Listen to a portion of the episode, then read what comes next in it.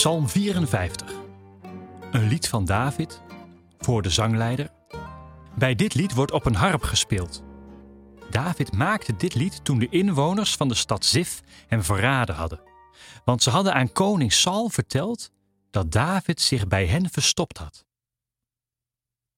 Red mij, God. U bent machtig.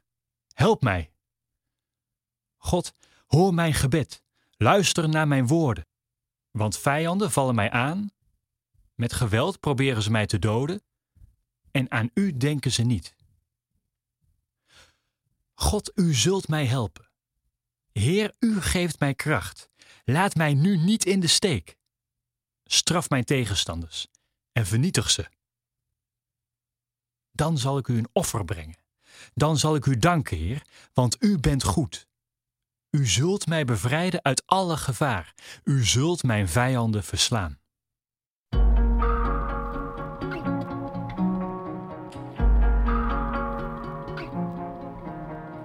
Haven't you heard that I'm falling to pieces? It suddenly hit me. If I could go back and break the silence, the words would still hurt. Once again, I'm at the feet of a mountain. Every day's a struggle. Try to escape through the eye of an eagle into reality. And I know that this comes out of the blue. Red mij, God, roept David. Een noodkreet, omdat hij op de hielen wordt gezeten door koning Saul en zijn schuilplaats is verraden. Hij vraagt om Gods hulp, want zijn tegenstanders willen hem geweld aandoen. En dat is ook zo. Saul wil David dood en de arm van de koning is lang. De bedreiging met de dood is reëel. Geen wonder dat David God om hulp vraagt. En daar blijft het niet bij. Hij vraagt ook om de vernietiging van zijn tegenstanders. In de psalmen komen we die wens vaker tegen. Telkens schrik ik er weer van als ik het lees. Het botst met mijn overtuigingen over liefde.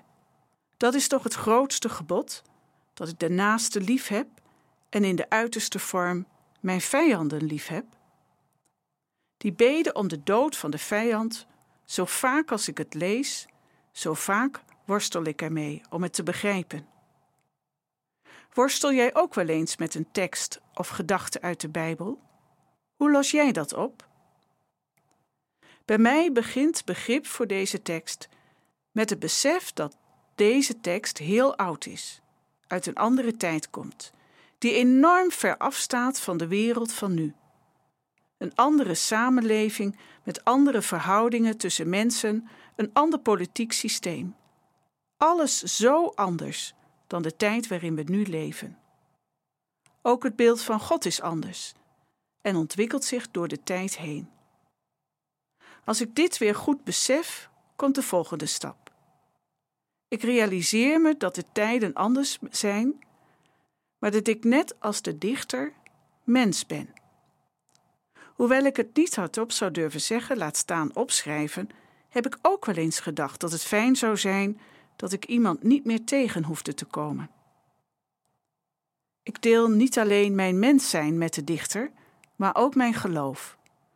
Dat ik op God vertrouw, betekent voor mij ook dat ik God mijn gedachten toevertrouw. Daar oefen ik me in. Om eerlijk te zeggen tegen God wat ik denk, voel en verlang. Die gedachten zijn niet alleen maar mooi en vroom, het zijn ook mijn verwijten, mijn bitterheid, mijn sombere verlangens. Een psalm als deze geeft steun omdat er blijkbaar ook mensen voor me zijn geweest, ja zelfs eeuwen voor mij, die dat ook hebben gedaan. Je naarste, verschrikkelijkste gedachten te delen met God. Juist die nare beden, juist die helpt mij me minder te schamen en het te proberen eerlijk te zijn. En dat God toe te vertrouwen. En bid ook ik, God, hoor mijn gebed, luister naar mijn woorden, al mijn woorden, ook de lelijke.